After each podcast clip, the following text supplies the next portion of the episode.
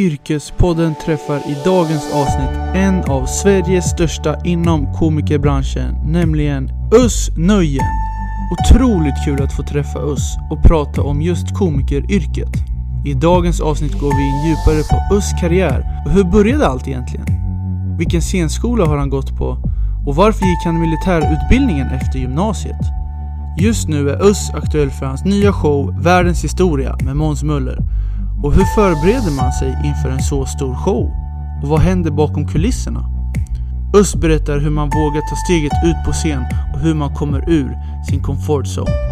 Nu kör vi!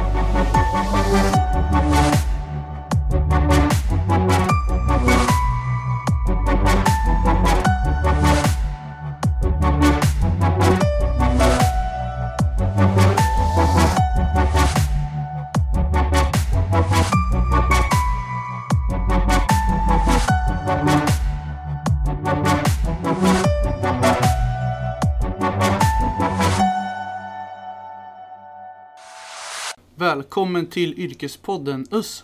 Hallå, tack! Hur är läget? Det är jättebra, hur är det med dig? Det är bara bra. Ja. Du, gråaste dagen idag. Har du något tips på vad man ska göra för att inte falla i depression? Ja, man ska bära glädjen med sig i sådana här lägen. Alltså, det är grått, men det är regnbåge inuti. Vi sitter ju i Örebro. Har du några kopplingar hit? Eh, nej, bara att jag vet att det är en av eh, Sveriges absolut bästa stand-up-städer. Eh, Örebro är ju, eh, ja, kan man säga, pionjären inom svensk standup. Här fanns den äldsta svenska standupklubben, Royal Arms, som höll på väldigt mycket längre än alla andra standupklubbar i Sverige. Men den har, de har tyvärr lagt av. Men som standup-stad är nog Örebro en av de absolut bästa. Okej. Du, eh, det är säkert, många som känner till vem du är, men du kan väl bara berätta, vem är Özz Ja, nu har jag ju hunnit bli 43 år gammal. Jag är då en stand-up-komiker, skådespelare, programledare, manusförfattare och så vidare.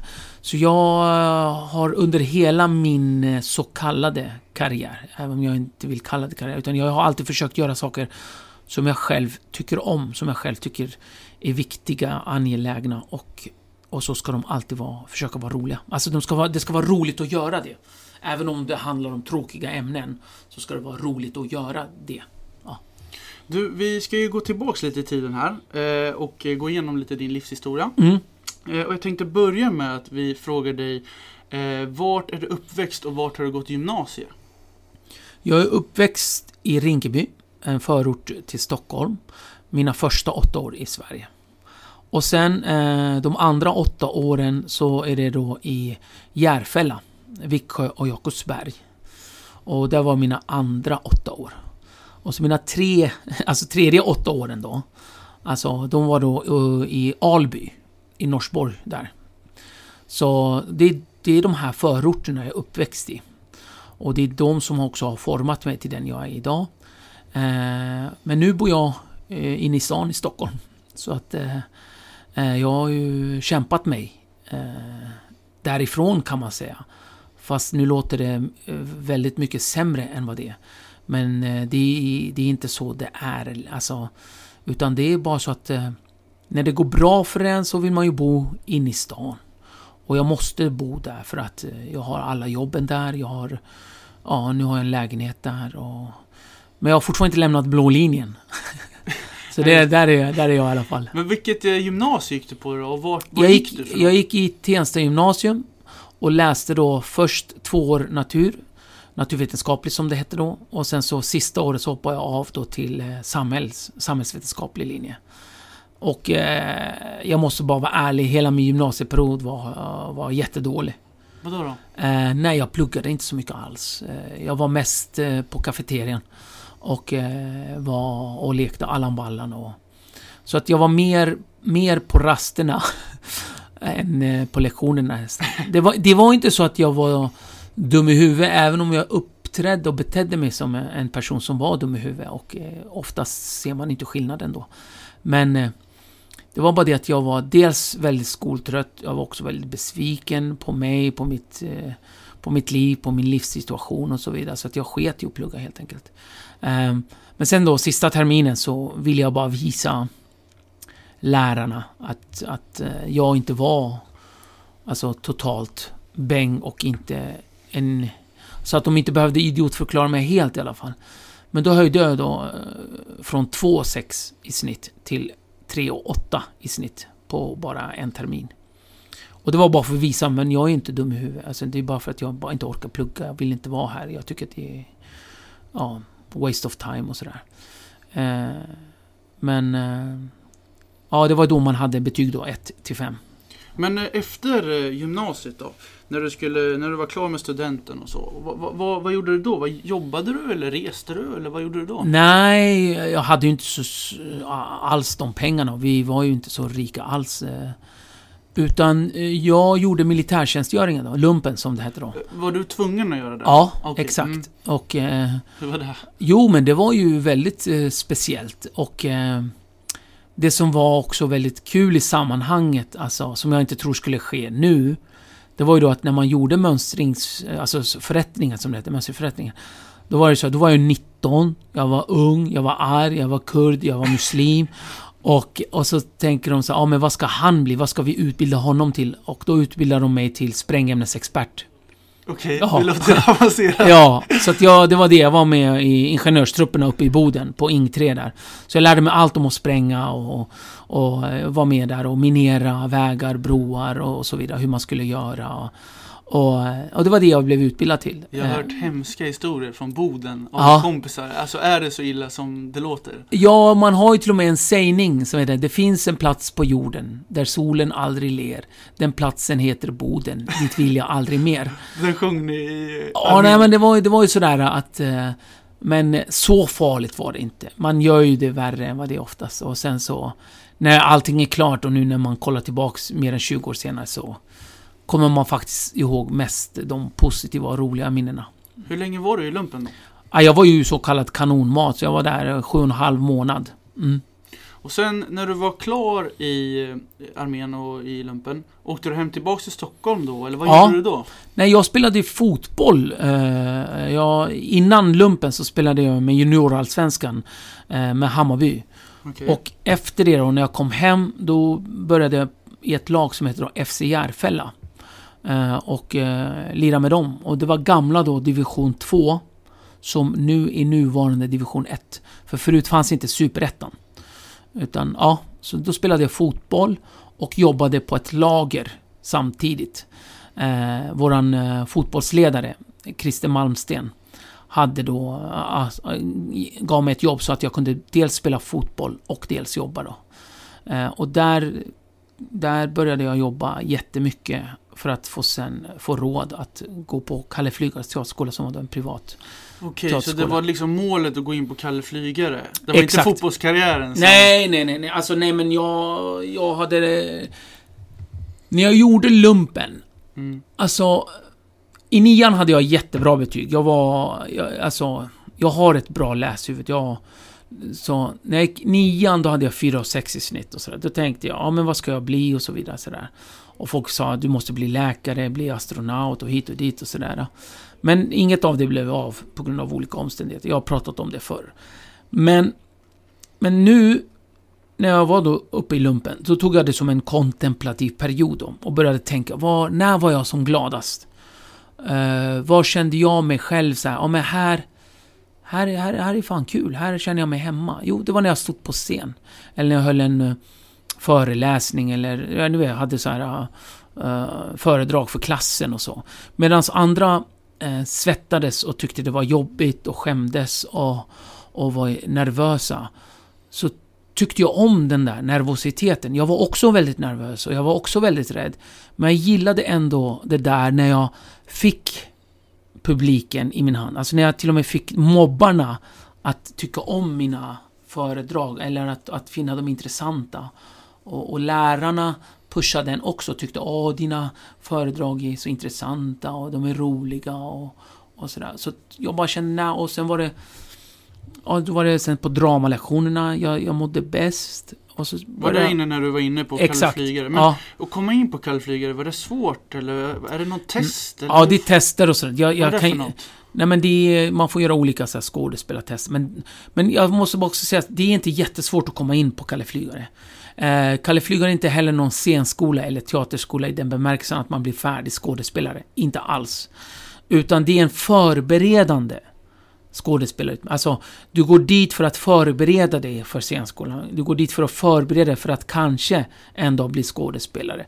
Så de här ämnena du gör där hjälper dig jättemycket sen. Alltså till att bli eh, skådespelare, eller kanske bli skådespelare. Men de här ämnena kan också hjälpa dig att bli en jättebra talare, eh, att bli bättre på att prata inför publik, lära känna dig själv och våga utmana dig själv. Så det är en, det är en väldigt bra utbildning på det sättet också. Alltså det hjälper en oavsett vilken utbildning man väljer senare i livet.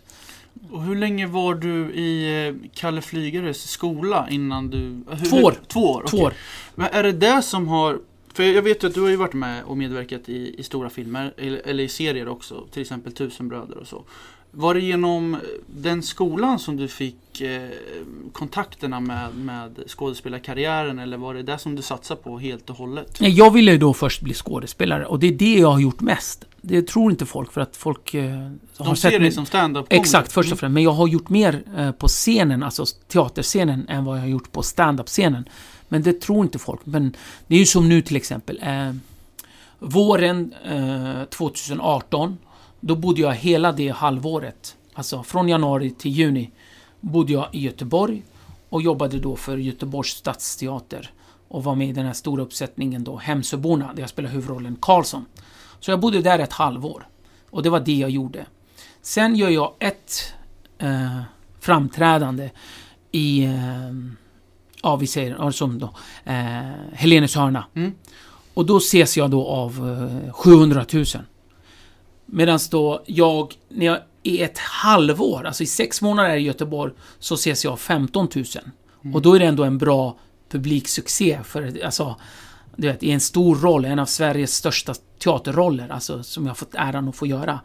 Så att det där blir också så här att folk ser ju, 700 000 har sett mig som stand-up-komiker eller den här roliga killen på TV.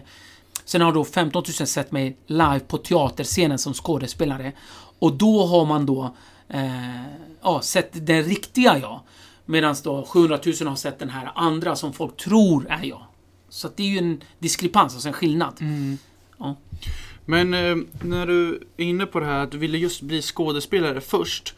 Hur eh, kom du in på det här med stand-up eh, komikeryrket? Jag menar, du, du ville bli skådespelare, men, men hur gled du in på det? Eh, jag jobbade som diskplockare på Ängelen i Gamla stan. Okej, är det en restaurang? Ja, det är en restaurang vid Mm. Kornhamns torg där. Så att, och eh, samtidigt som jag gick på Kalle Flygas teaterskola då. Och de hade någonting så, då som, var, som hette då teatersport. Det är här improvisationsteater. Okej. Och det här hjälper en skådespelartekniken, alltså skådespelartalangen och så vidare. Så att man det gäller att vara snabb i tanke och så. Eh, men då tog de in olika standup-komiker där. Mm. Och de här programledarna var med där också. Och jag gick omkring och plockade disk samtidigt och liksom svettades och jobbade stenhårt. Men ibland så ropade de någonting och då ropade jag bara tillbaks. Eller, och så blev det en rolig alltså, sak mellan mig och programledarna. Vilket då slutade med till slut att året senare, ett, bara ett, ett och ett halvt år sedan, inte ens det, så tog jag över scenen. Så att jag fick då vara på scenen och vara programledare. Ja, För det blev en, ett stående inslag och sakta men säkert fick jag komma upp på scen och sen så blev jag programledare för det. Och sen såg jag de här stand-up-komikerna då uppträda och så kände jag fan, jag hade alltid älskat och tyckt om, eh, och gör det än idag, Eddie Murphy. Mm. Och jag hade sett hans Delirious och Raw och tyckte wow vad mäktigt att bara ha en mikrofon och vara så rolig. Och så bara kände jag, och så såg jag de här svenska standup-komikerna och köra på vår klubb då. Eh, teatersporten på Ängelen. Och så kände jag, men jag, jag ska nog prova det här. Och så testade jag det. Första gången maj 99. Och då gick det jättebra första gången. Du gjorde det? alltså? Ja. Och andra gången så gick det rent ut sagt åt helvete. Berätta, vad var det som hände då? Alltså allt som kunde gå fel hände. Och det här är också en sån här sak som då på ett sätt typiskt mig då. För att hade det varit tvärtom, säger vi, att det hade gått åt helvete eh, första gången, då hade jag kanske inte ens fortsatt. Men nu eftersom det gick bra första gången och jättedåligt andra gången, så började jag som vanligt då att analysera, fundera och tänka, men varför gick det bra första gången och varför gick det dåligt andra gången? Det var ju samma skämt och liksom en annan publik och jag borde ha kunnat få samma respons och så vidare. Och så vidare. Och sen började jag då tänka ut och analysera, men varför vart det så olika utfall? Och, och, och, då kommer det fram där. Man är aldrig bättre än sitt senaste gig. Och sen har jag då dragit det ännu längre. Man är aldrig bättre än sitt senaste stora misslyckande. Alltså mm. totala katastrofgig. Och det är så. Det, och det, det lärde jag. Det, det, och det, är liksom, det handlar om att visa respekt för sin publik. Vara ödmjuk på scenen på ett sätt som också publiken köper. Ingen falsk utan på riktigt. Liksom. Att är du nervös, säg att du är nervös. Lek inte att du inte är nervös. För att folk känner av det. Mm. Och just stand-up känner man av det på ett helt annat sätt. Det är inte skådespeleri på det sättet, utan det är verkligen... Alltså, stand-up komiker är inte att berätta historier. Det är att berätta saker inifrån sig själv, om sig själv, om sin samtid, på sitt sätt. Och sen försöka få in publiken i ditt, alltså, i ditt eh, tankeuniversum, om man säger så. Och, och då, om du kan det, då kan du också få folk att skratta. Be, både åt, åt dig, men också åt sig själva och, och förhoppningsvis också åt, åt samhället som det är. Så. Så det är det som är själva mm, nyckeln in då. Och bemästrar man inte det, alltså tar man inte, har man inte den respekten, dels för sig själv men också för, för, för, för, för yrket stand-up. Då tror inte jag man kan lyckas, alltså man kan lyckas några gånger men jag tror inte man lyckas i längden. Men det känns som att man måste ändå fejla, man måste ändå, Uff. det måste gå dåligt oj, för att ändå kunna ja, fortsätta. Exakt. För man lär sig mycket. Ja, verkligen.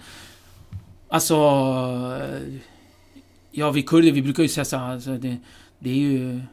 Din bästa lärare är din, är din senaste stora misslyckande. Är stora senaste misstag. Det är din bästa lärare. Så att det är ju verkligen viktigt att lära sig av sina stora misstag. Men när du hade varit i den här mm. eh, eh restaurangen där, ja. eh, Ängelen. Ängelen. Precis. Eh, tänkte du då bara, nu, nu ska jag börja turnera på det här? Eller hur, nej, hur gick verkligen. allting igång? Nej, liksom? nej, nej. hur snurrar allting? Alltså, Jens. Eh, det tog mig 11 år mm. att förstå och inse och acceptera att jag var bra på det jag gjorde. För att jag har alltid känt en känsla av att säga, men räcker jag till? Är jag tillräckligt rolig? Eh, är jag inkvoterad? Är det folk kanske bara använder mig eller utnyttjar mig? Om man känner så här, eh, ja, men obehag ibland och man tänker så här, fan jag kanske inte är så rolig, men folk skrattar och, och så vidare. Tills det tog mig liksom... Och då var det då, då spelade jag in en film eh, i Frankrike, i Paris. Och det här var då utanför Paris och eh, för filmteamet så körde jag lite stand-up. Kanske var 50 stycken nästan. Körde lite stand-up 5-6 minuter. På franska. På franska? Ja. Kan du franska? Ja. Okay. Och, och och de skrattade. Alltså de skrattade. Och då kände jag för första gången i mitt liv, men vänta nu. Nu kan jag få folk att skratta på fyra olika språk. Vilka språk kan du? Jag kan fem språk, ah, någorlunda flytande. Det är kurdiska, svenska, engelska, franska och turkiska. Sen kan jag, alltså jag klarar mig på min italienska och jag förstår lite arabiska och lite sånt där. Så att jag, man klarar sig lite så. Ja, men, men, men då för första gången i mitt liv kände jag men vänta nu, om jag kan få folk att skratta på fyra olika språk fan då är inte jag så dålig. Alltså då är jag nog bra på det jag gör. Och det tog sån tid. Eh, innan då jag bara, ja men det var då för första gången då efter då 11 år kände ja men, ja men jag kanske ska nog sätta upp en egen show då. Men det tog mig så lång tid. Och det har, det har ju självklart att göra med dålig självkänsla och så vidare. Och där kan jag känna igen mig i väldigt många av mina kvinnliga komikerkollegor. Alltså att man ja, man blir faktiskt ibland lite placerad i fack eller att man inte anses vara lika rolig. Eller man pratar, alltså, det är lätt att avfärda Ja, men det är han som kör invandrarskämt. Fast mina skämt i grunden är exakt likadana. Jag pratar om min pappa, han pratar om sin pappa. Men eftersom han är svensk så är det okej. Okay. Mm. Men det är exakt samma skämt, samma uppbyggnad, samma sätt och så vidare. Men det ena blir då ganska lätt, ja det här är kvinnlig humor. hon bara skämtar om kvinnor eller han bara skämtar om... Alltså det blir så här, och det är ganska lätt att avfärda folk på det sättet och också förhöja sig själv. Men om man ser igenom det och fattar att men hon eller han som säger det verkar vara osäker och inte förstå vad humor är. Alltså på riktigt är det så. Då, då, då, då blir man ju stärkt av det. Så tänker fan, nej men jag är minst lika bra som de här. Om inte bättre. Jag har ju tänkt lite på det här när jag tänkte på komikeryrket. Alltså Ja. jag, jag själv tycker ju att det här är bland de svåraste yrkena man kan ha. Jag tycker det. Och jag tycker också det. För att det är ju så här, du ska upp på scen och det enda du ska få är folk att skratta. Mm, Är de skrattar de inte, då är de inte nöjda. exakt. Och, och vad går igenom ditt huvud när du precis ska gå upp på scen och tänka så här, vad är det som inte får hända liksom på en scen?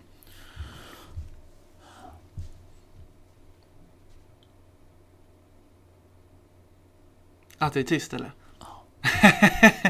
Bra. Ingen skrattar. Ja. Nej men det, det, det är såna där, det är mardröm. Och, och, vad- och vad, gör, vad gör du då? Och det är det här. Det är Mm. exakt det här. När man känner så här, åh nej, nej, nej, nej, nej, nej, nej, nej, nej, nej, nej, nej, nej, nej, nej, nej. Och man börjar, och du börjar ju prata nu, bara för att fylla i det här tomrummet. Och du börjar bli nervös. Och, så här. och det är den, just den känslan, den är fruktansvärd.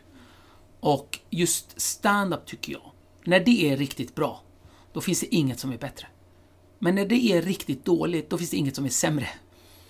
Alltså det är, det kan, det är så dåligt när det är dåligt. Man, man blir galen, och både som publik och som åskådare och där och hit. Du vet, man, åh, man, blir helt, man blir helt galen av hur dåligt det kan vara. Men sen när det är bra, då är det det bästa som finns.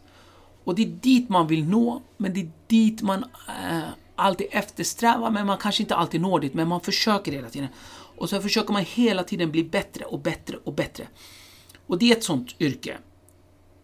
Det är jätte, jättesvårt, för att folk skiter i om din släkting har dött innan. Folk skiter i om, om din partner har lämnat dig precis i telefon bara för, för fem minuter sedan. Och du ska ändå gå upp och få folk, 700 pers eller 1000 pers, att skratta. Ingen bryr sig. De har betalat dyra pengar, de har skaffat barnvakt, de har pratat om det här kanske i månader, någon har fått det som julklapp eller födelsedagspresent. Ja, liksom, och tagit sig dit, kanske hotellnatt och kanske ska ragga på sin partner, nya partner, alltså, vad som helst. Alla är där för att få, och den, och den här respekten måste du ha för din publik.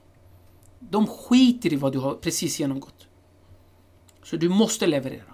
Och du måste vara rolig. Och det finns ingen annan utväg. Och, och det är svårt. Men det är det, det, det är det som är ditt jobb. Och eh, där måste du lyckas. Där måste du ge dem den här valutan. Nu när du är inne lite på just ditt jobb som yrke som komiker. Jag tänker så här, det är ju väldigt mycket eh, förberedelse innan. Du skriver skämt, du går igenom hur eh, föreställningen ska gå till. Och, och då tänker jag så här, det här skulle jag vilja få reda på lite mer. Hur, hur, hur jobbar du med, hur får du kreativa idéer? Hur, vart kommer liksom tankarna? Och när, när du ska gå upp på scen, har du allt förberett eller kör du lite som spontant? Alltså, nu har jag och min bästa kompis Måns Möller Mm. en ny show. Den heter då Världens historia. Och nu är vi då ute på turné runt om i Sverige och eh, vi besöker Örebro och Västerås och väldigt många svenska städer. Den här showen, när vi gör den, den är ungefär 100 minuter lång. Men det folk inte förstår, det är det här arbetet innan. Det har tagit oss lätt ett, ett och ett halvt år att få ihop den här showen. Bara att trycka på en knapp och säga nu startar vi kostar flera miljoner. Och de, och de här pengarna ska in sen. Och det är, ja, det är all form av logistik, det är press, det är marknadsföring, det är annonsering, hur ska affischen se ut, när ska du ta foton, vad ska inriktningen vara, hur ska scenografin se ut, vilka spelställen ska ni ha? Och varför, hur många måste det vara per gång? Och hur, alltså det är så mycket saker bakom. Förutom det så ska du också ha hunnit skriva en ny show. Och det är där också, liksom, det tog oss fruktansvärt lång tid att skriva så mycket skämt. Och sen kommer det värsta. Sen måste du bara en dag slänga hälften av skämten. För att det hände någonting. Den sommaren så var det ju enorm torka. Klimathotet var ju verklighet, ett faktum. Jaha, då fick vi slänga halva showen.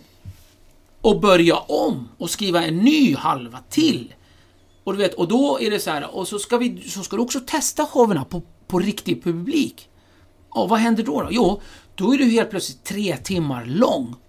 Och du har skrivit skämt som är jätteroliga och du måste ta bort skämt. Och folk bara, nej men du kan inte ta bort det skämtet, eller ta bort det skämtet och du, som du själv tycker är roligt. Och så, du vet, och det är ett sånt jäkla arbete hela tiden. Och, och din kompis, även om det är din bästa kompis, så tycker han så här, men det där skämtet gillar inte jag. Men vad fan, liksom, det är ju jättebra skämt, jag gillar ju det. Nej, jag tycker inte, den, den ska du ta bort.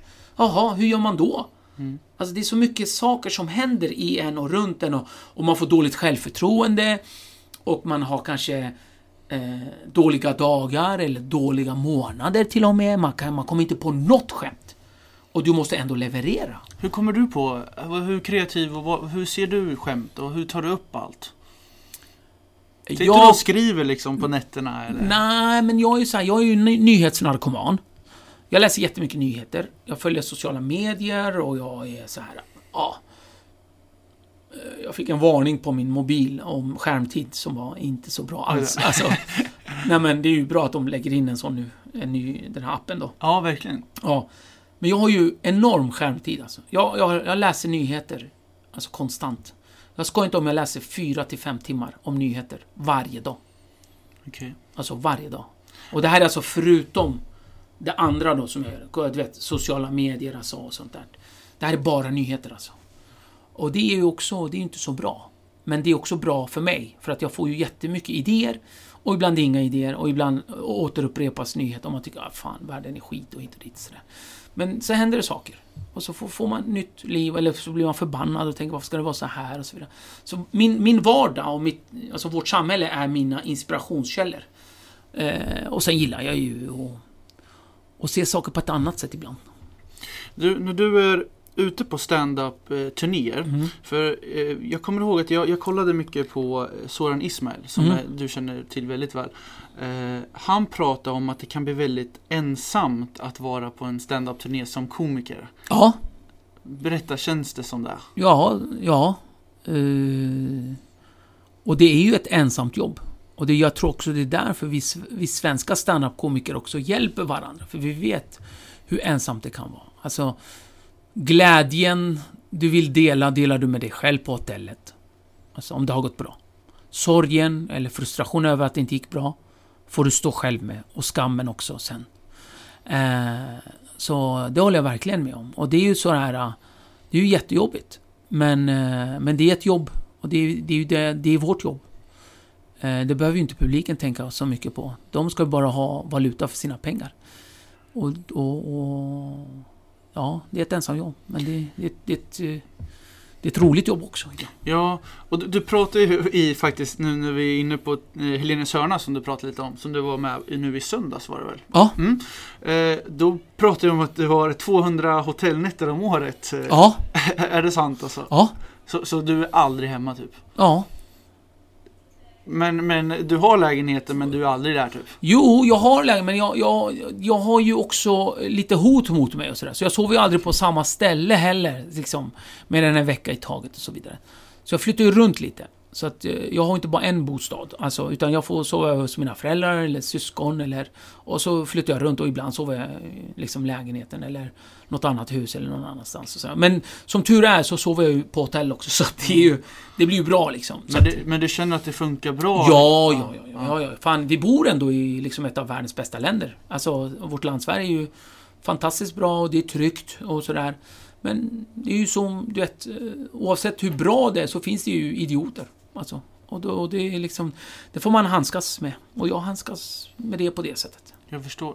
Vi ska fortsätta lite med TV4 Helenius hörna. Ja. För att eh, det var ju ett inslag eh, med Björn Gustafsson. Ja, Så han pratade lite om att du hade en stand-up-skola. mm. Och då tänkte jag så det här vill jag höra mer om. Vad var det för skolor du hade gjort? ja Björn gick ju där. Eh, tillsammans då med några andra, som Petra Mede. Och, Du engagerade dig. Ja, det var min skola. Jag var rektor för skolan. Eh, och... Eh, ja. Och det är ju... Så här är det. Du kan aldrig lära folk att bli roliga. Men du kan lära folk som är roliga bli roligare. Eh, snabbare, effektivare, bättre på scen. Eh, alltså lära dem kroppsspråk, mikrofonteknik och så vidare. och Så vidare. Så att du kan ju, du kan ju få en redan rolig människa och, och bli mycket skickligare på sitt yrke. Och det var det som var min skolas då Eh, du hade lite lektioner om så här, Ja, precis. Och, och, och, exakt. Och, och, och tog dit föreläsare som jag tyckte var bra och andra standup-komiker som, som var väldigt viktiga och duktiga och på olika saker. Till exempel fick Må- Måns Möller komma dit och, och, och prata om eh, impro- improvisation. Eh, Patrik Larsson fick komma dit och prata om eh, att skriva. För han är... Eh, Patrik Larsson, det är han som gör Karsten Torebjer, den här danska Ja. psychic medium. Ja, Han är för bra. Ja, men han skriver ju väldigt bra. Han skriver ju till exempel åt andra standup-komiker och så. Han är fruktansvärt bra. Så han, då fick han då prata om, om skrivandet. Hur man, hur man skriver som standup-komiker. Och sen fick då Ann Westin komma till exempel och berätta om hur mycket hon har kämpat. Att eh, nu är hon en av Sveriges absolut roligaste alltså komiker. Oavsett om man är man eller kvinna. Och hur har, hur har hon kämpat sig fram till det? Eh, eh, Babben fick komma och prata om eh, scenteknik eh, och, eh, och eh, mikrofon och, eh, och om eh, vad, vad hon har fått uppleva eller hur hon har varit som lärare och så vidare. Så olika människor, olika svenska standup fick då komma dit och prata. Och sen så hade vi då både teori och praktik. Så att, så att eh, efter skolan så hade vi då en egen klubb där de fick då uppträda inför publik. Och som vi spelade in. Så det var ju det var en väldigt bra skola. För jag tänker så här att Yrkespodden handlar ju lite om att man ska, man ska bli inspirerad av yrket. Mm. Och jag tänkte så här, det här är ju jättebra, då ska jag ställa den här frågan till oss. Kommer du öppna den här standup-skolan igen för folk som lyssnar nu på podden? Att oh, jag skulle vilja gå på US Nöjens skola. Finns det någon chans? Nej, tyvärr. För att eh, alltså, det var och är den bästa svenska standup-skolan som någonsin har existerat.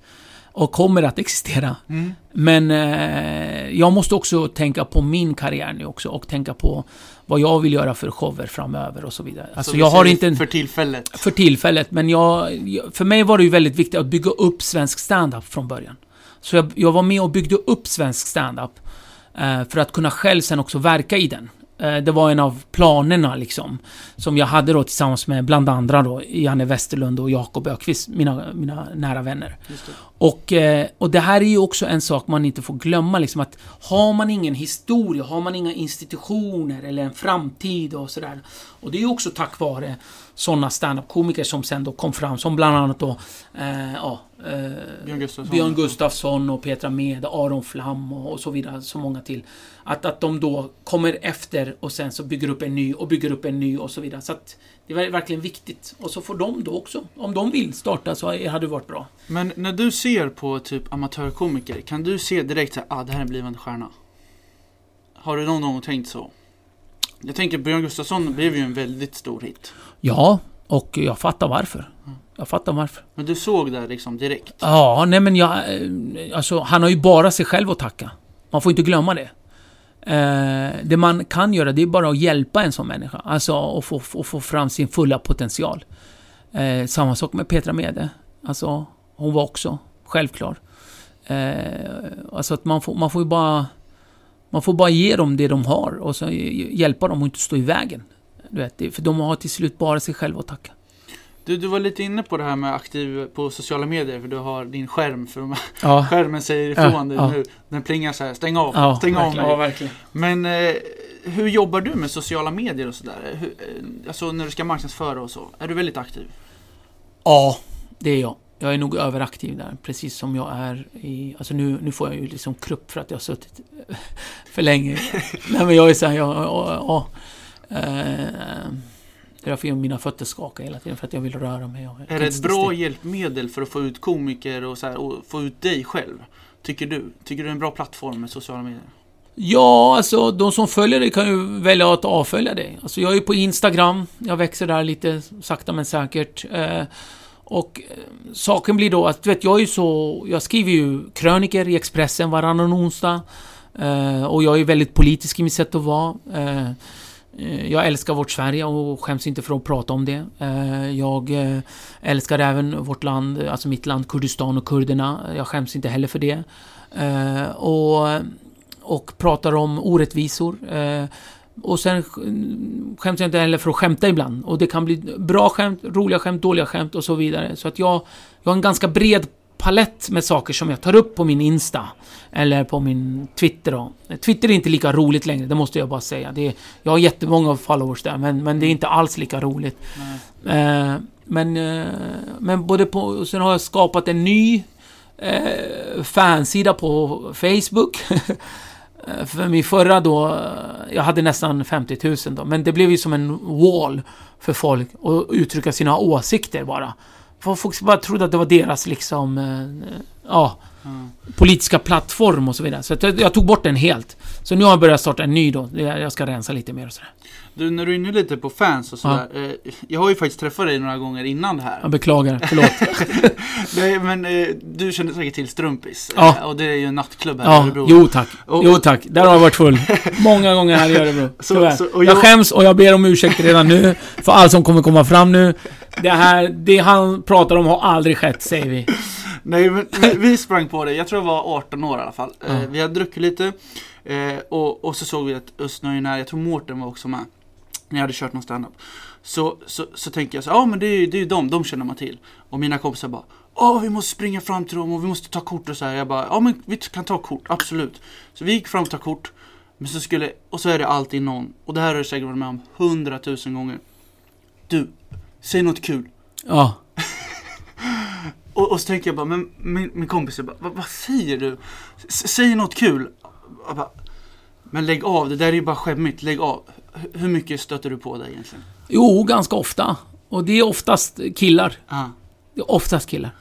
Säg något kul. Åh, så tycker de att de har varit riktigt roliga. ja, helt Ja. värdelöst. Ja, det är det, men jag har ett, ett ganska bra svar, som jag brukar säga.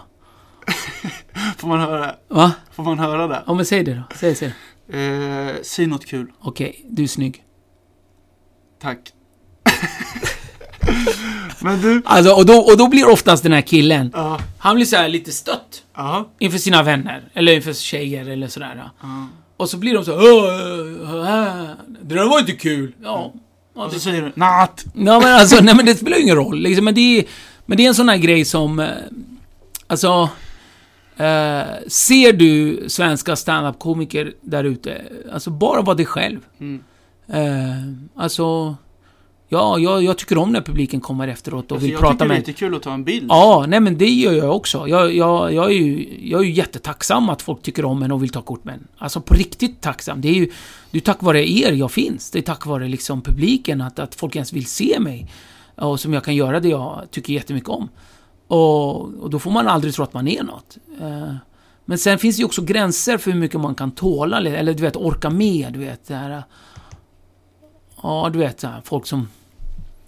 Ja, men du vet, det finns ju några. Men man får aldrig låta dem ta över. Liksom. Man, man får fortsätta bara vara sig själv, helt enkelt. Men du, eh, Östnöjens framtidsplaner då? Vad har du för framtidsplaner? Eh, ja, just nu är det då världens historia som jag ska då med Måns Möller köra i minst ett, ett och ett halvt år till med. och Ute på turné runt om i vårt land Sverige. Och sen så ska jag ha förmodligen en ny standup-show. eh, som jag då ska köra själv. Och förhoppningsvis då så ska jag köra den på flera olika språk. Okej. Så att det inte bara blir på svenska utan även då på kurdiska, engelska och franska. Det är en utmaning. Ja, det är verkligen en utmaning och, eh, och det måste bli bra och det måste bli intressant. Men framför allt måste det bli roligt. För det är det som är det viktigaste med stand-up. Att det måste bli roligt. Alltså att folk ska skratta så snoret rinner. Det är det viktiga. För mig är det det absolut viktigaste. Du, vi ska faktiskt knyta ihop den här säcken Ja. nu. Och nu ska jag göra så här, jag brukar säga så här till alla mina gäster. Mm. Och det är så här, du ska få avsluta nu och ge tre tips. Och då ska du tänka så att de här tre tipsen ska vara för en person som vill bli komiker. Som vill stå med stand-up eller jobba med någonting i komikervärlden. Vad är ditt tips nummer ett? Var ihärdig. Modig, alltså var ihärdig länge och, och, och ge inte upp i första taget. Utan, och det här menar jag med ihärdig, att, att man, man skriver skämt, skriver om dem, slänger dem, gör om dem, släng dem igen, skriv nytt, skriv nytt igen, skriv om den, skriv nytt, skriv om, skriv upp, skriv upp. Alltså verkligen, alltså göra det länge, länge, länge. Alltså, och, och, och, och, våga utvecklas hela tiden. Du vet, var ihärdig och var, liksom att aldrig ge upp. Det är viktigt. Superbra. Ja. Tips nummer två då, vad ska de tänka på? Ja, du måste ju få airtime. Vad betyder det? Alltså, gå upp på scen. Våga. Våga, våga, våga. Alltså det är ju... Eh, det är ju det vi pratar om liksom. Det är inte många som vågar stå på en scen. Och av de som vågar stå på en scen så vågar inte ens 70% försöka vara roliga. Så att det är väldigt få som vågar, alltså överlag. Så att våga testa, våga misslyckas. För det är det, du kommer misslyckas. Så är det bara. Men om du inte misslyckas så kommer du inte lyckas till slut. Så att våga, våga, våga. Ja. Och ett sista avslutande tips till en framtida komiker. Ja, ta inte det själv på för stort allvar. Jättebra tips. Tack så jättemycket Us för att du var med. i tack själv, tack Jens för att jag fick vara med. Jens. Han har också ett Z i sitt namn. Öz och Jens. Hej då. Hej. Tack för att du lyssnar på Yrkespodden. Jag skulle bli superglad om du delade avsnittet eller betygsatte podden i podcastappen. Prenumerera gärna på Yrkespodden för att få notiser på alla avsnitt. Tack!